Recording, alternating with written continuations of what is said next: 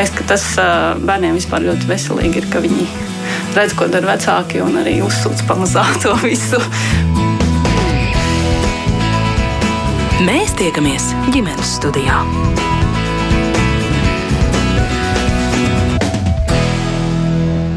Labdien, rādījums ģimenes studija sāk savu skanējumu. Jūs sveicina šī rādījuma producenta Ilze Zvaigzne un es Agnese Linka. Bērnu slimības, eh, slimnīcas sporta medicīnas centra ārsti un speciālisti vērš uzmanību. Pēdējos gados trīs reizes pieaudzis profilaktiskajās pārbaudēs atklāto endokrinoloģisko slimību skaits, kā arī divas reizes sirds slimību skaits. Vai šis ir pamats satraukumam un kas par bērnu un jauniešu sirds veselību būtu jāzina un jāņem vērā mums vecākiem? Nu, un līdz ar skolas gaitu sāk sākšanos atsākusies arī aktīvā treniņu sezona. Daudz vecāki pirmo reizi piesaka savus bērnus dažādos sporta pulciņos un sporta skolās. Kā tad noskaidrot, vai bērnu veselība ļauj piedalīties izvēlētajās sporta nodarbībās? Par to visu un vēl vairāk šodien saruna ģimenes studijā, un tās dalībnieces būs Rīgas Stradiņa Universitātes pediatrijas katedras asociētā profesora bērnu kardioloģija Ingūna Lūbauva. Labdien! Labdien! Arī Dzen bērnu klīniskās universitātes slimnīcas sporta medicīnas centra vadītāja Baiba Norīta Lapstiņa. Labdien! Un bērnu klīniskās universitātes slimnīcas sporta ārste dr. Dāca Augstkalna sveicināti. Labdien! Kā laži arī jūs klausītāji esat laipni aicināti pievienoties mums šai sarunā, ja ir kas sakāms, kādas pārdomas, mēs gaidīsim jūsu komentārus, viedokļus, jo sevišķi jautājumus speciālistēm droši varat eh, šodien tos uzdot. Rakstiet mums ģimenes studijā no Latvijas radio mājaslapas. Es eh, sākšu ar jautājumu bērnu slimnīcas eh, sporta medicīnas centra pārstāvēm. Kas tad ir tas, kas bērnu sirds veselības jomā ir tas, kas šobrīd jums liek? Nu, ja nezvanīt dzirdat eh, trauksmes zvanus, tad kas ir tas, ko jūsuprāt būtu svarīgi šobrīd eh, aktualizēt? Kāpēc eh, jūs rozinat par to runāt? Es domāju, ka ļoti daudziem vecākiem, kuru bērni sporto vai nodarbojas padziļināti ar sporta aktivitātēm, ir jāatcerās tas, ka valstī ministra kabineta noteikumos ir paredzēts, ka vienreiz gadā visi šie bērni var iziet padziļināto profilaktisko medicīnisko pārbaudi. Katram bērnam no desmit gadu vecuma, un dažos sporta veidos, kas ir vingrošana, daļslidošana, jau no astoņu gadu vecuma, pienākās valsts apmaksāts komplekts, kurš mūsu valstī ir pietiekoši labs kur nosaka gan asins analīzes, gan urīna analīzes, gan uh, dažādas uh, fiziskās sagatavotības testus, gan svaru, garumu, redzi, veic īpašus kardiogrammu ar slodzi un galā to visu apkopo sporta ārsts. Katram sportistam pienākās šāda pārbauda. Veicot šīs pārbaudas, mēs konstatējam, ka bērnu slimnīcas pakļautībā šis sporta medicīnas centrs ir trīs ar pus gadus. Un veicot šīs pārbaudas, mēs konstatējām, ka bērnu vispārējā veselība ir ir pasliktinājusies, jo ja mēs 19. gadā runājam, ka 75% bērnu, kas iziet šīs profilaktiskās medicīniskās pārbaudas, ir izsijājās, ka viņiem nav veselības traucējumu, tad šobrīd šis procents tuvojās 70 tikai. Tātad, un šajos daudzumā, kur mēs izsijājam veselības problēmas, ir pieaudzis šis endokrinoloģisko uh, diagnožu skaits un uh, domas par to, ka ir arī sirds veselības traucējumi. Mm -hmm. Tas ir tas, ko mēs gribam teikt. Un vēl pie tam mēs gribam teikt, ka bieži vien bērni nesūdzās, un arī vecākiem nav sūdzības. Bet tad, kad viņi iziet šo padziļināto veselības pārbaudi, tad uh, atrodas kaut kādi tomēr veselības traucējumi, kam noteikti ir jāpievērš uzmanība un nepieciešama speciālistu padziļināta apskate. Mm -hmm. Mana auss aizķērās aiz jūsu teiktā vārdiņa. Var iziet veselības eh, pārbaudas slodzes eh, testus, vai tas nozīmē, ka tikai var iziet, vai tas būtu ieteicāms, vai tas būtu obligāti darāms visiem mazajiem sportistiem? Kā jūs teiktu? Tas būtu ieteicams visiem sportistiem. Eh, Jautājumu, ka uz to var nonākt ļoti vienkārši. Tātad sporta skola vai sporta organizācija atsūta sarakstu uz uh, sporta medicīnas centru par to, ka mēs vēlamies no jums pakalpojumu. Iesūta sportistu sarakstu, un tālāk jau notiek pierakstīšanās vai grupās, vai individuāli, un viņi var dabūt šo pakalpojumu. Nekas cits vairāk nav jādara. Ir tikai jāatsūta saraksts un jāatsūta pieteikums. Uh mhm. -huh. Un, lai tuvinātu uh, reģioniem mēs arī esam atvēruši no pagājušā gada rudens šādas pašas sporta medicīnas centra filiāles, lai tuvāk būtu bērniem, lai viņiem nebūtu ilgstoši jāpavada ceļš uz šīm pārbaudēm Daugopilī, Valmierā un Siguldā. Jā. Ģimenes studija mēģināja burties eh, cauri, gatavojoties šim tematam, burties cauri skaitļiem un statistikai. Un eh, pēc tā, ko mēs eh, mācējām atrast, sanāk, ka Latvijā sporta skolās mācās un, un trenējās un sporto ap 45 tūkstošiem šo sporta skolu audzēkņu. Mm, ja manā rīcībā ir pareizi skaitļi, tad pie jums bērnu slimnīcas sporta medicīnas centrā pārbaudas gadā iziet apmēram 12 tūkstoši. Tas ir kā mums bija vislielākais lielākais skaits 2019. gadā tie bija 14,000. Pandēmija mums, protams, iecirta mazliet, un tie bija mazāk. Pagājušajā gadā mēs apskatījāmies 13,000. Par skaitu e, ir ļoti liela problēma iegūt skaitli, cik vispār bērniem Latvijā būtu vajadzīgs šīs pārbaudas. Jo Sporta federācija saka, ka tie ir 72,000, jo viņi reģistrē jebkuru bērnu, kurš kaut kad ir kaut kādās populārās sacensībās piedalījies. Sporta skolās ir arī bērni, kas ir zem 10 gadu vecuma. Līdz ar to ne visiem 45,000, kas ir izglītības un zinātnes uh, uh, uzskaitē, Eh, ministrijas uzskaitē būtu vajadzīgs, jo tur ir tas vecums no 10 līdz 18 un no 8 līdz 10 tikai dažos mm -hmm. sporta veidos.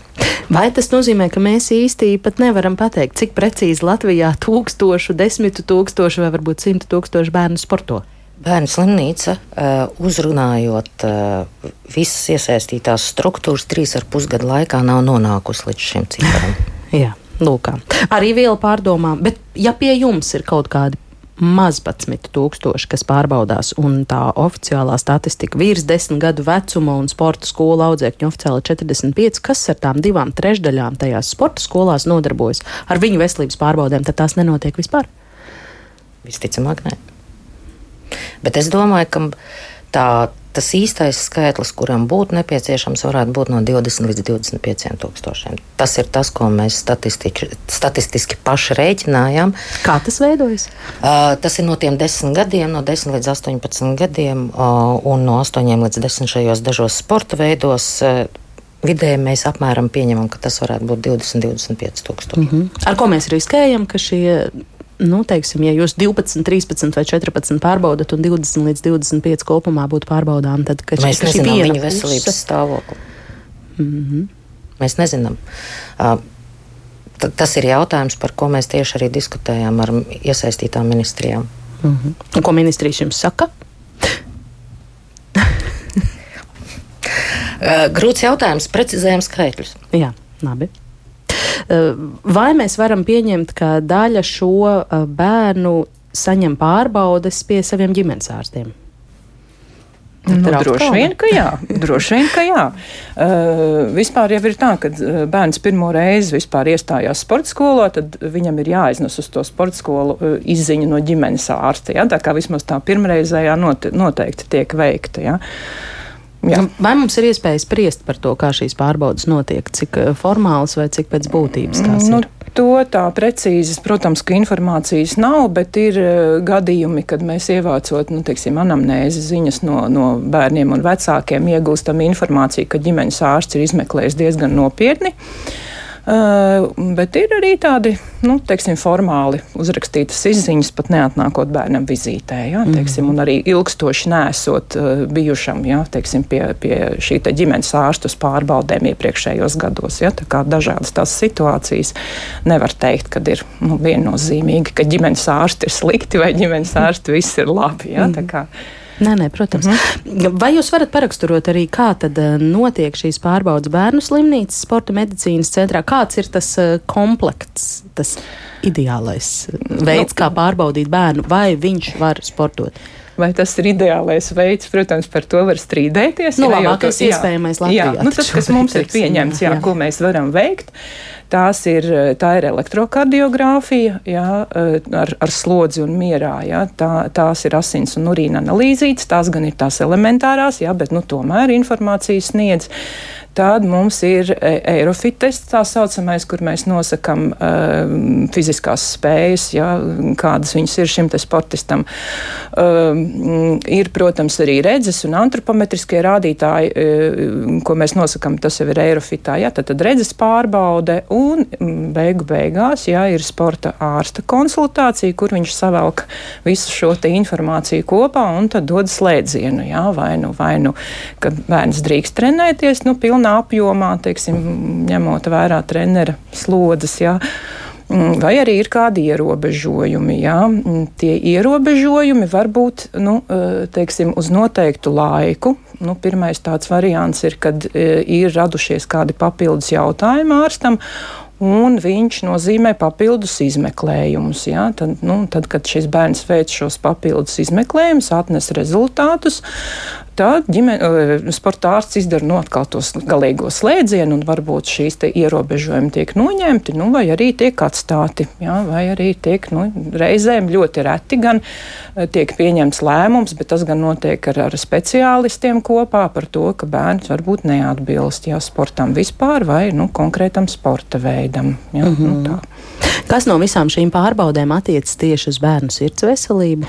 Nu, uz bērnu sirds veselību attiecās jā, kardiogramma, protams, nu, un arī droši vien, ka tā ārsta pārbauda arī. Ja?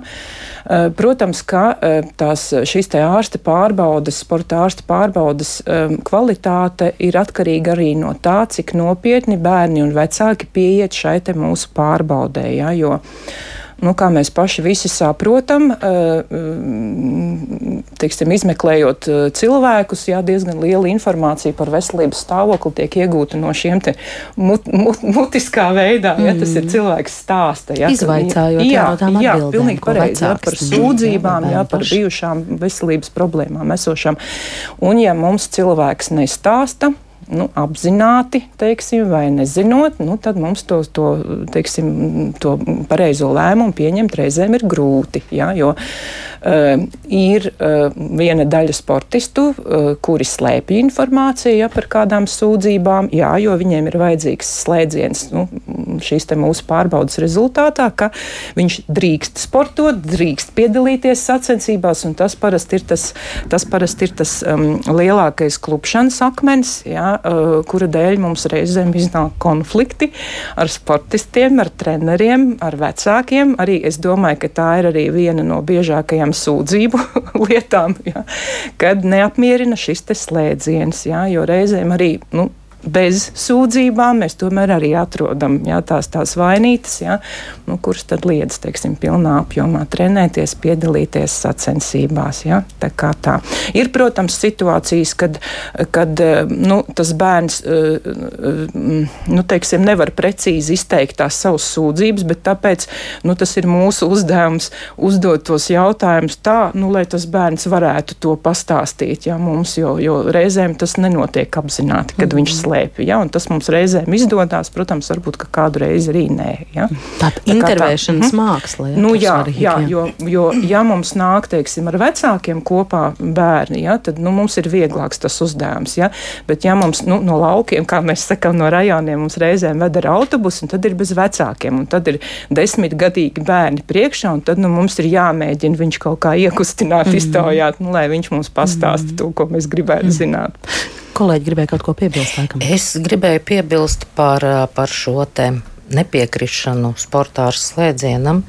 Ja ģimenē visa ģimenes ass ir ap šo bērnu un viņa sporta veidu, tad jebkādi norādījumi par to, ka šis bērns trenējās par daudz, ka viņš ir pārslogos, ka viņam ir veselības draudi, tiek uzņemti ar ļoti lielu noraidījumu. Un ja mēs vēl pie tam, kā teikt, noņemam šo sportistu no trases viņa veselības dēļ, tad tā ir traģēdija ģimenē. Tāpēc ir diezgan bieži ir gadījumi, kad vecāki mēģina slēpt.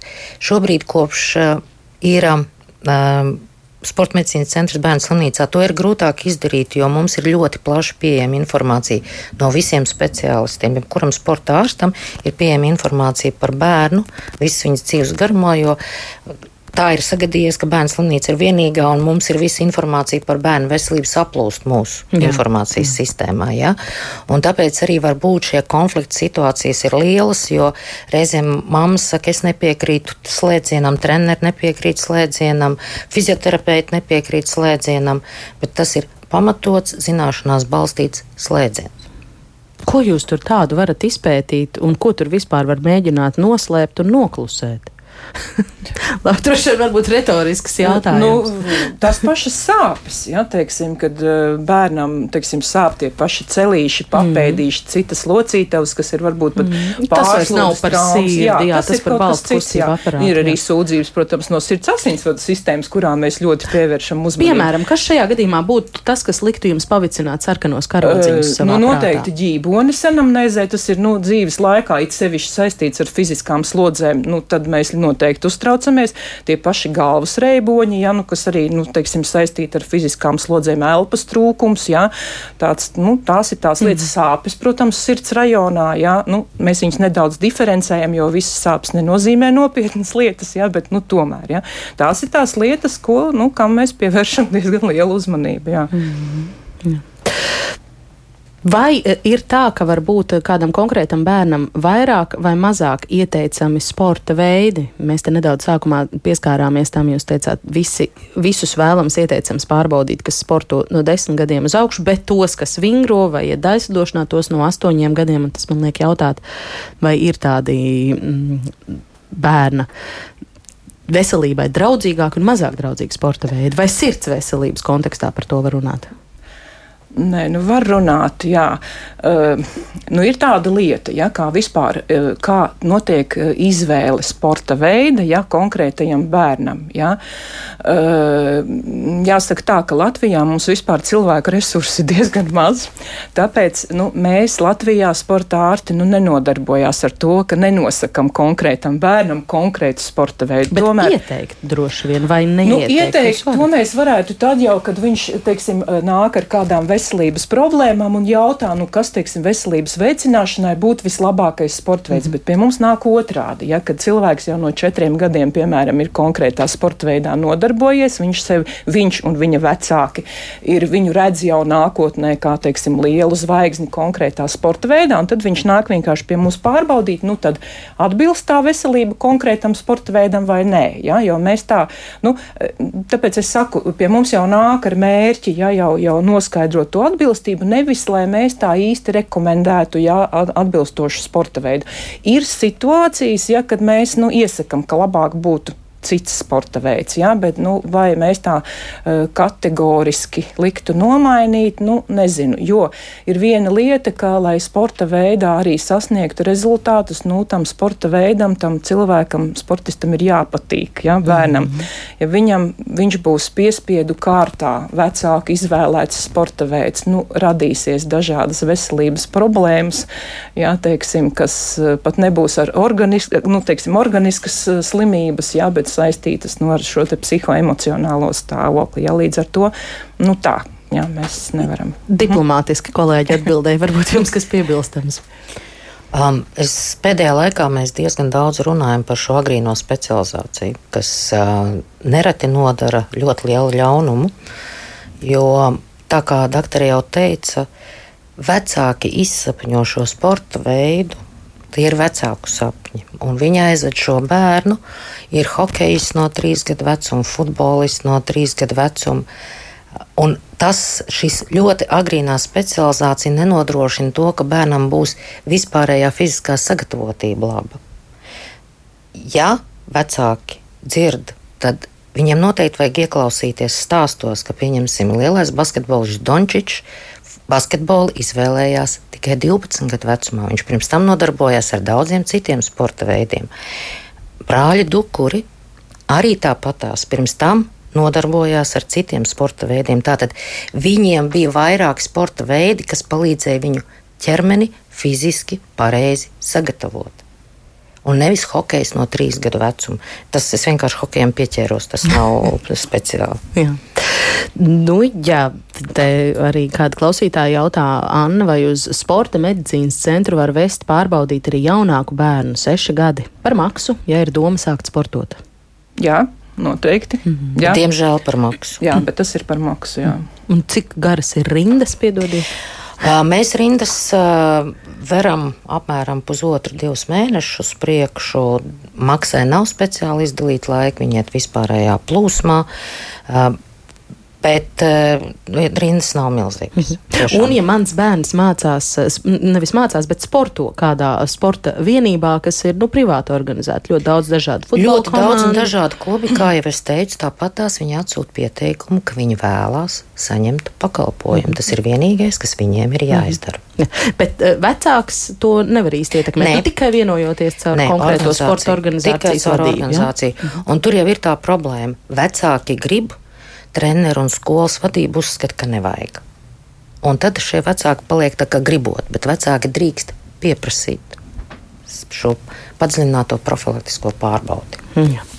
Par agrīno sporta specializāciju citēšu arī e, vēl kādu bērnu slimnīcas e, kolēģu virsārsti Renāts Nipi. Viņa ļoti tieši valodu runā. Viņa saka, ka bērnu slimnīcas sporta ārsti profilaktiskajās pārbaudēs sastop bērnus, kuri intensīvi trenējušies no 3-5 gadu vecuma, specializējoties kādā no sporta veidiem, un šī agrīnā specializācija nenāk par labu bērnu veselībai, un nereti tieši tas, mm, ja nepiemērot fiziskās lodzes agrīnā vecumā, ir iemesls, kādēļ bērnam radušās problēmas ar veselību, tā skaitā ar sirds asinsvadu sistēmas eh, veselību pievērsīšos uh, kolēģiem, kas ir pacietīgi klausījusies, uh, dr. Lūbau. Jums ir darīšana ar jaundzimušajiem jau. Ar sirds veselības problēmām Latvijā. Es lasīju kādu interviju ar jums, kur jūs teicāt, ka viens no simts bērniņiem piedzimst ar izmainītu sirds uzbūvi. Ja mēs runājam par šo pašu, pašu dzīves iesākumu, kas ir tas, kas mazu bērnu gadījumā to ierauga un kad? Dažkārt tas notiek laikam jau prenatālajā periodā, māmas vēdrā esot. Jā, jūs pilnīgi pareizi to minējāt, kad iedzimta sirdskaits, kas ir biežākā no attīstības anomālijām, kas bērniem ir. Un mēs varam dalīt vienu no simts. Ir bērnam sirdskaita, kas prasa ķirurģisku ārstēšanu.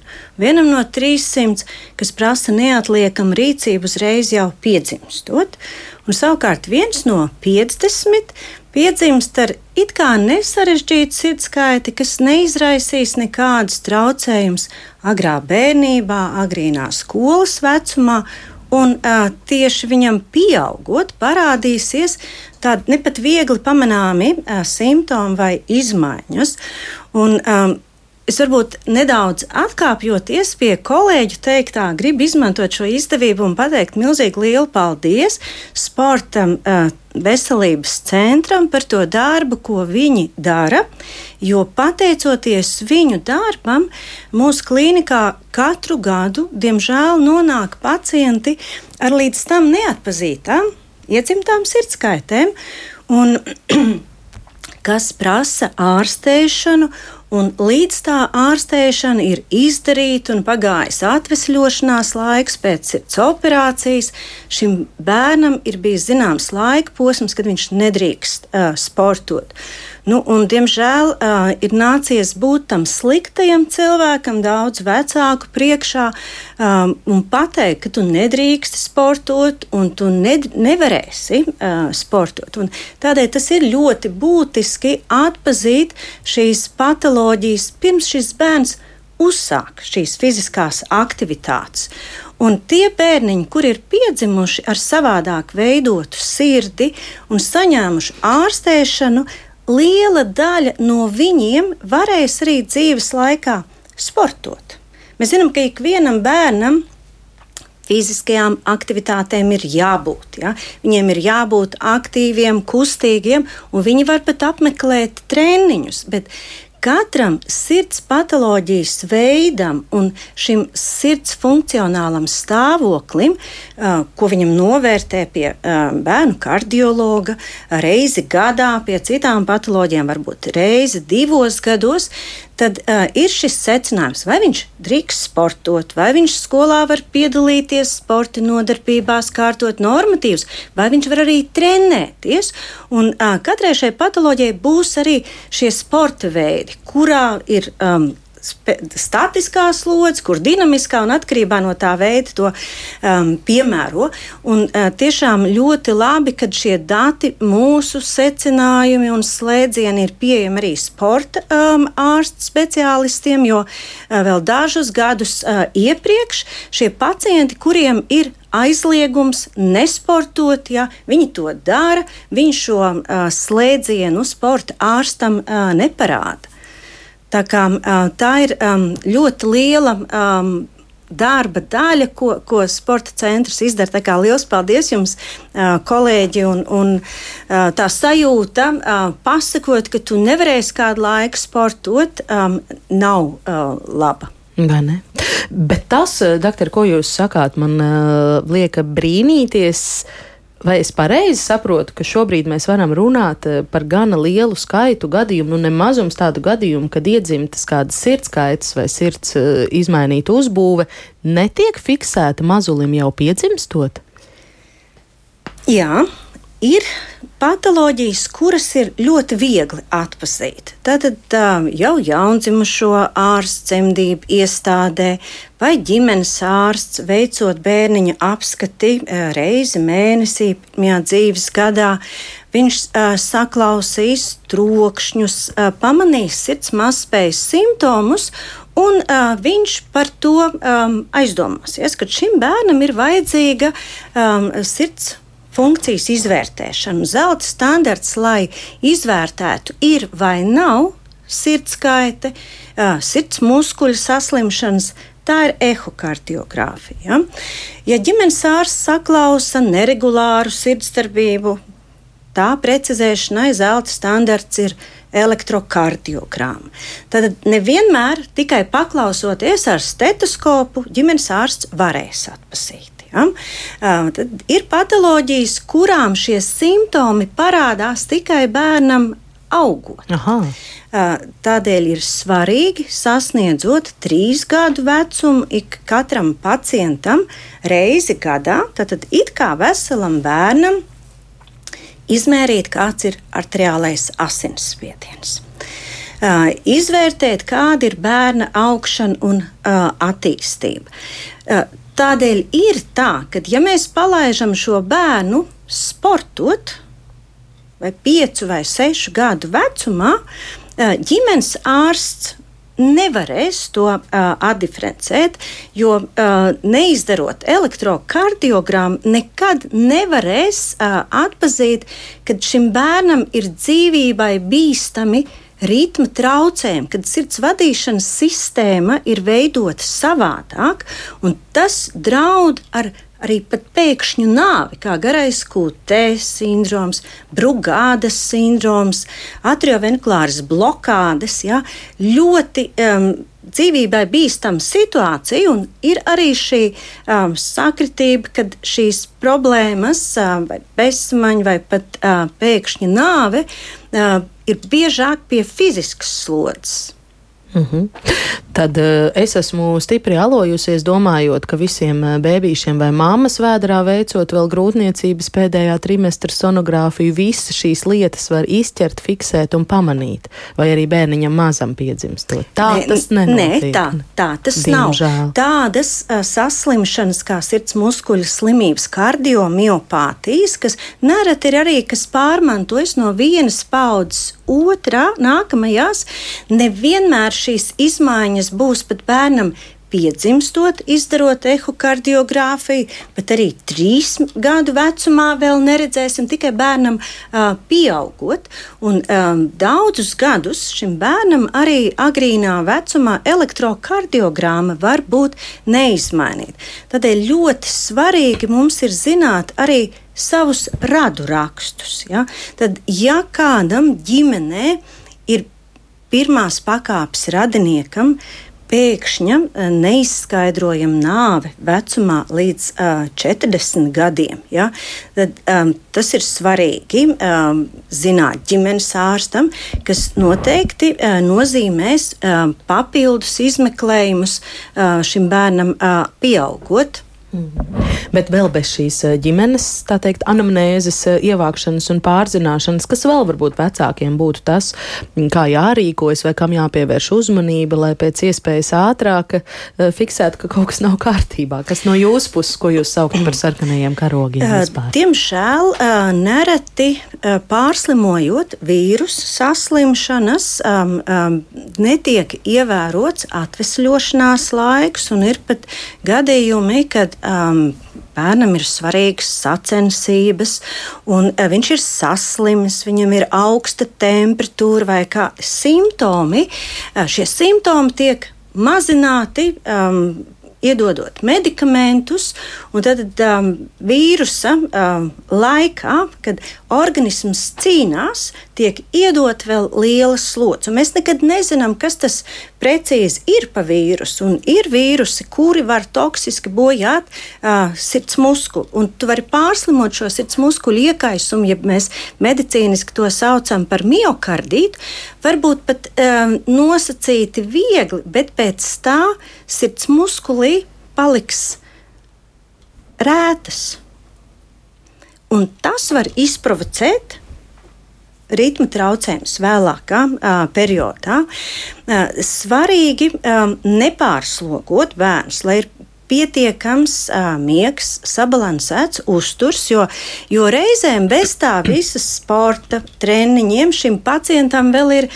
Uh, ir mūzika, viņam vēl ir papildus matemātika, daž, jā, jā privātas stundas. jā, jā. Un šim bērnam nemaz nav pietiekami um, atpūtas. Ja? Viņam nav pietiekami uh, miega. Viņam ir jābūt arī labākajam ne tikai sportā, bet arī klasē.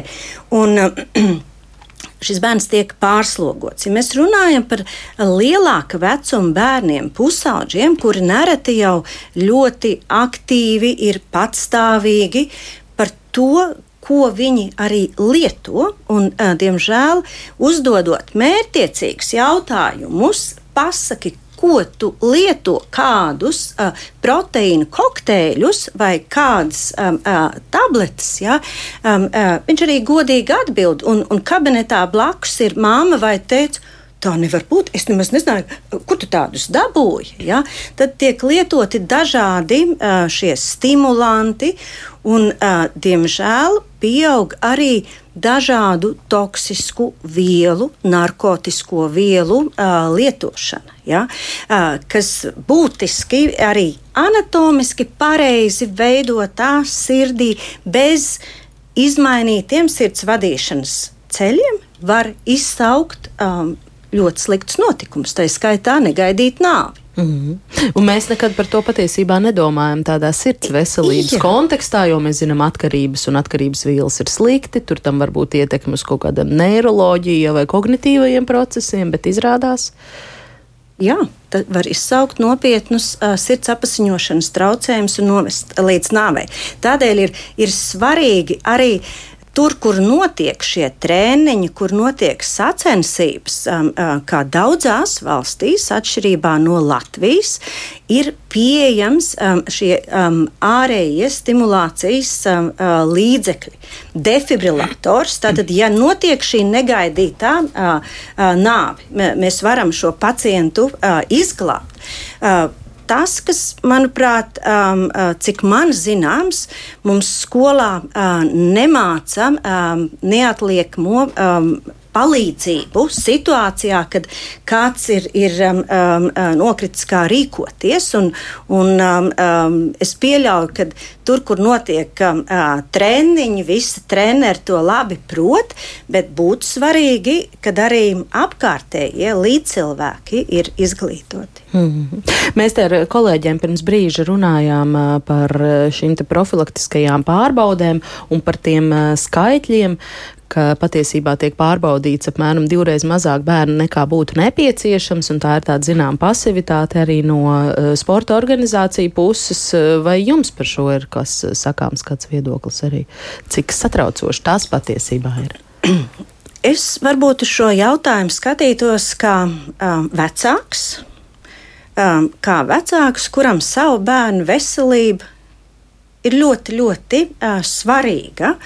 Un uh, mūsdienās arī vecāki var uh, iepazīties, kādas izmeklēšanas metodes, pārbaudes ir uh, jāveic pie ģimenes ārsta, cik bieži ir jānovērtē uh, redzes stāvoklis, uh, cik um, svarīgi ir um, novērtēt uh, bērnam stāju. Uh, Viņa augšana, attīstību pie uh, ģimenes ārsta un pieņemot uh, lēmumu um, nodarboties pastiprināti ar uh, fizisku slodzi, uh, nu, uh, veikt šos papildus uh, izmeklējumus, kā elektrokardiogramma, ja, kā ehokardiogrāfija.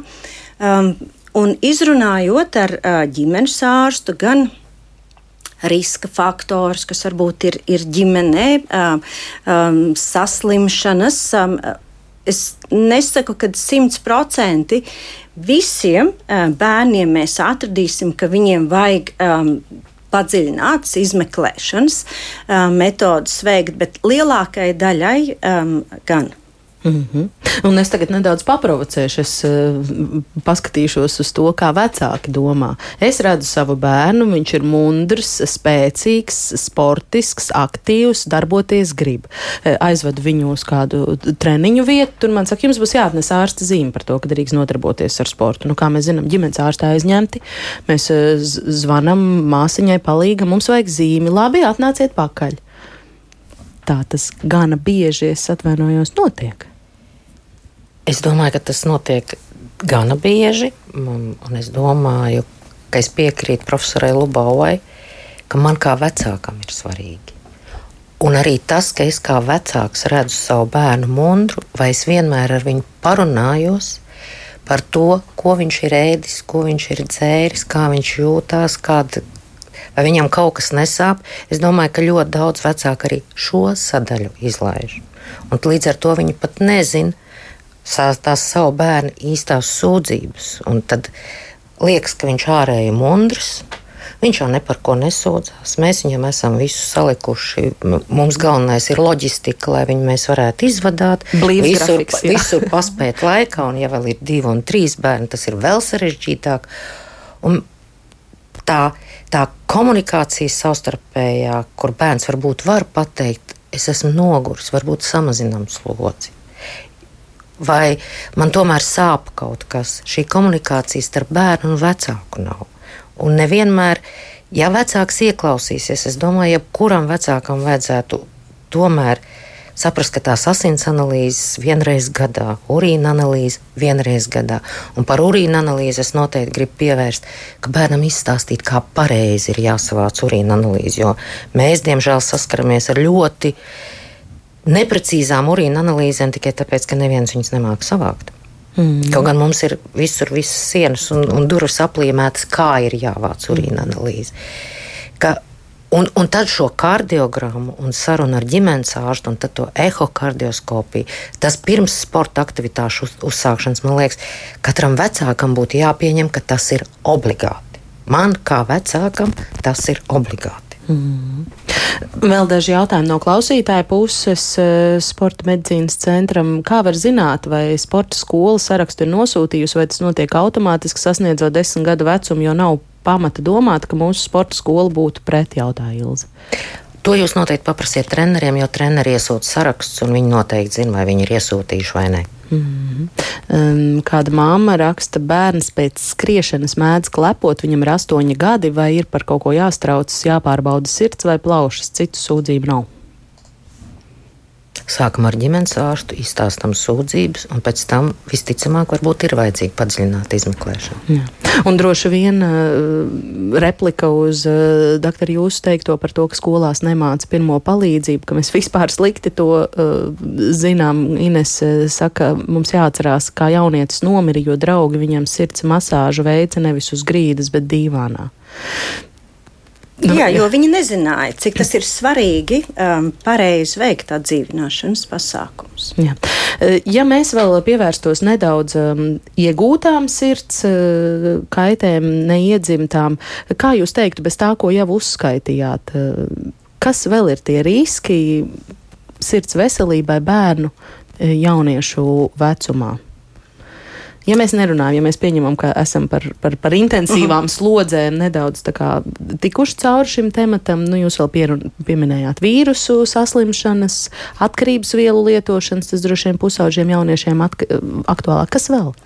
Tad sirds muskuļu slimības, kas var būt uh, iedzimtas, kā kardiomiopātijas, kas neizpaudīsies agrīnā uh, vecumā, bet uh, tikai uh, pieaugot bērnam uh, vecumam. Un, uh, tad ir svarīgi šī ģimenes anamnēze, vai, vai kādam uh, tāda nav, uh, kādas slimības ir pārslimotas um, uh, bērnībā. Um, uh, Kavasakijas slimība, uh, kur uh, ir teikt, pašlimitējoša slimība, bet kura daļai bērnu izmaina sirdsvainaga artērijas, jeb koronārās artērijas.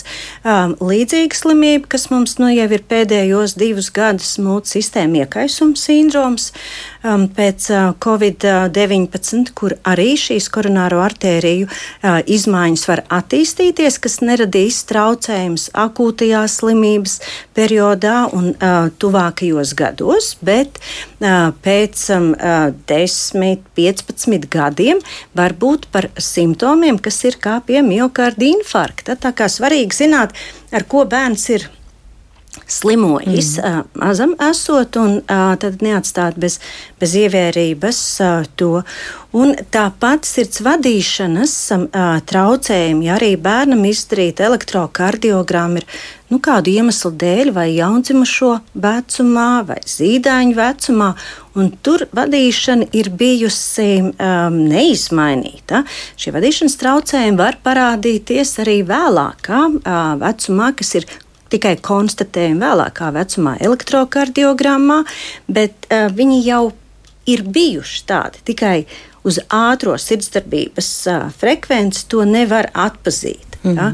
Un uh, vadīšanas traucējumi, kas var attīstīties pēc dažādiem uh, iekaisuma uh, procesiem mm -hmm. sirdī, pēc vīrusiem, pēc gripas. Mm. Bet, ja es vaicātu par vairāk tādu dzīvesveida aspektu un ietekmi, un, un, un, un dzīvesveida ietekmē iegūtām sirds problēmām, vai mēs vispār varam par kaut ko tādu runāt? Mēs runājam un satraucamies par to, ka tāda slimība kā uh, primāra arteriāla hipertenzija kļūst arvien jaunāka. Tātad nu, uh, augsts asinsspiediens tā ir vecu cilvēku uh, slimība, cilvēkam novecojot, asinsvadi kļūst neelastīgi. Uh, šī uh, problēma kļūst arvien uh, aktuālāka, biežāk sastopama un agrīnā vecumā, kas, diemžēl, ir kā sekas bērnu mazkustīgumam, um, nepareiziem ēšanas ieradumiem un dienas režīmam. Un tas ir satraucoši, ka um, bērniem nav šo fizisko aktivitāšu. Un, um, tāpat citi riska faktori sirds asinsvadu slimībai, tad gan um, ēšanas um, ieradumi, uh, smēķēšana, maskustīgums, uh, kurus novērst un izmainīt tad, kad šī problēma jau ir tiksim, pusaudzis ar uh, virssvaru, pusaudzis ar um, paaugstinātu vai jau augstu asins spiedienu, um, izmainīt šos ieradumus ir neiespējami. Tā, tāpēc atkal tā ir ārkārtīgi liela vecāku atbildība rūpēties par sirds asinsvadu veselību. Īstenībā pirms vēl bērniņš piedzimst. Jā, ir daudz pētījumu, kas pierāda bērnu, kas piedzimst priekšlaicīgi, kur ir intrauterīnās infekcijas. Asinsvads sieniņas jau augļu periodā ir uh, izmainīts.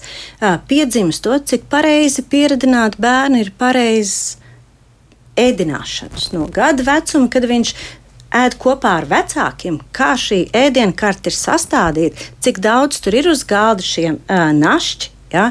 Um, lai nav vecāku smēķēšana. Ja vecāki smēķē, visticamāk, bērni arī sāks agrīni uh, smēķēt un pieradināt pie fiziskajām aktivitātēm. Ja, ja jums bērns līdz 12 gadiem ja, būs bez kustībām, un viņš varbūt aizies tikai divreiz nedēļā uz sporta stundu, tad 12 gados, lai um, mazinātu, normalizētu asins spiedienu, lai normalizētu viņa uh, svaru, um, likt nodarboties ar sporta aktivitātēm, nu, efektivitāte būs ļoti niecīga. Un tas ir vecāku uzdevums, ja, lai viņš katru dienu ir kustībā, lai ir svaigā gaisā, ja, lai, viņš, lai viņš ir nodarbināts, lai viņam ir pietiekams uh, miegs. Mm -hmm. Vērsīšos atkal pie sporta medicīnas centra kolēģiem un vaicāšu, kādu jūsu vērojumu tieši par dzīvesveida ietekmi uz bērnu sirsniņām. Mm -hmm. Jā, uh, ir tāda lieta, ka, uh, kad ienāk jau bērns ar, ar saviem vecākiem pieņemšanā kabinetā, tu jau, nu tā, kodīgi sakot, jau redzi, vai tā ģimene vispār ir visa tāda fiziski aktīva un viņa arī brīvā laikā, neskatoties to, ka bērnam ir kāds sporta veids, ar ko viņš, nu tā nopietnāk nodarbojās, viņi arī brīvo laiku pavada, teiksim, fiziskās aktivitātēs, jā, jo, uh, nu tad ir arī labi rezultāti arī sporta sportā. Jā, bet tad ir, eh, tāpēc arī ir liela, liela loma ļoti tam, nu, kā tas uh, sports tiek cienīts vai fiziskās aktivitātes tajā pašā ģimenē vai paši ģimenes locekļi bez tā bērna arī nodarbojās jā, ar fiziskām aktivitātēm. Jo man tāds, tāds labs piemērs no kolēģis bija, kad um, viņa atļāvās vienreiz uzrakstīt uh, recepti, vienu paņēma vienkārši recepšu formu un uz viņas uzrakstīja tēvam tādu vēstulīti, ka pirmais, eh, kas ir jāizdara, ir jāizslēdz televizors, otrais, kas ir, ir jāpieceļās no dīvāna, tas ir tēvam, nevis bērnam, jā, jāpieceļās no dīvāna, un trešais ar, ar to bērnu, jā, topošo sportistu ir jāiziet ārā svaigā gaisā un jādarbojās ar fiziskām aktivitātēm, jā, jo tas ir diezgan cieša saistība, jā, teiksim, ģimenes aktivitāte un arī tā bērna fiziskā aktivitāte. Mm -hmm. Un tas ir ģimenes paradums, es noteikti piekrītu, Jā. jo uh, tas ir ģimenes dzīvesveids. Un, uh, jā, mēs arī pēdējā laikā skatoties, mēs novērojam gan aptaukošanos, tiešām ir diezgan liela aptaukošanās. Tas ir no mazkustīga dzīvesveida lielākoties. Ir arī ļoti daudz bērni, kuri ir um, šajā pēdējo divu gadu laikā, kuriem ir diezgan liels psihoemocionāls problēmas, un ir atkal otrs, ka viņi svaru zaudē. Ir dažādas pārliecības, ir dažādas diētas. Un uh, vecākiem noteikti tam ir jāsako līdzi, kad arī ir slikti nakts, uh, nakts gulēšanas, tad šis dienas režīms ir izmainīts, un tas viss ietekmē bērnu. Vēlreiz atkārtošos, komunikācija vecāku un bērnu starpā ir milzīgi lielu nozīmi. Mm -hmm. Dzīvot savstarpējā saskaņā, sarunājoties un tiešām izslēgt televizoru. Mm -hmm. Un par to uh, aptaukošanos runājot, nu kā mēs jau domājām, patiesībā tādos, uh, tādos štampos svarīgi novērst, lai mans bērns būtu resns, jo nu, tad būs neforši dzīvot, skolās miesies un vēl kaut ko, bet mēs pat neaizdomājamies, ka tam ir piemēram ietekme uz tik svarīgu lietu kā sirds veselību vispirms.